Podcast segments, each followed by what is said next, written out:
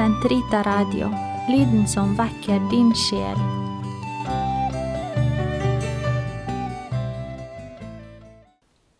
Den katolske kirkes katekisme, uke 14,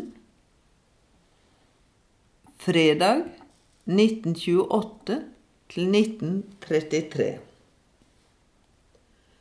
Tredje artikkel Sosial rettferdighet.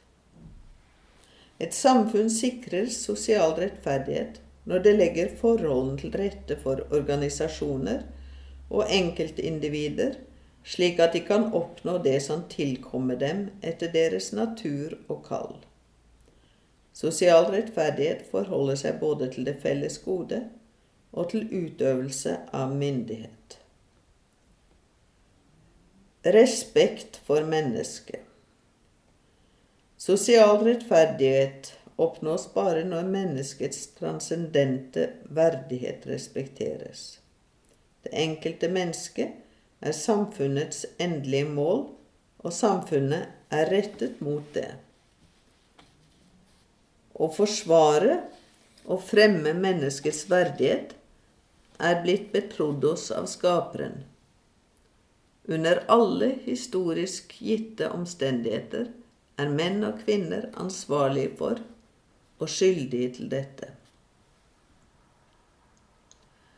Respekt for mennesket innebærer å respektere de rettigheter som springer ut av dets verdighet som skapning.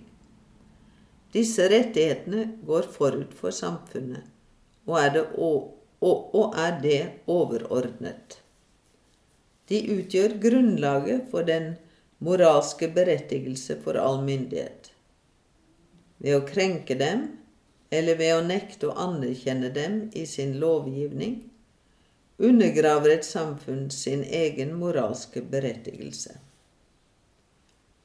Uten respekt for mennesket kan myndighetene bare støtte seg på makt eller vold for å avkreve undersåttene lydighet. Det tilkommer Kirken å minne alle mennesker av god vilje om disse rettighetene, og å skjelne mellom dem og urettmessige og feilaktige krav. Respekt for mennesket bygger på følgende prinsipp.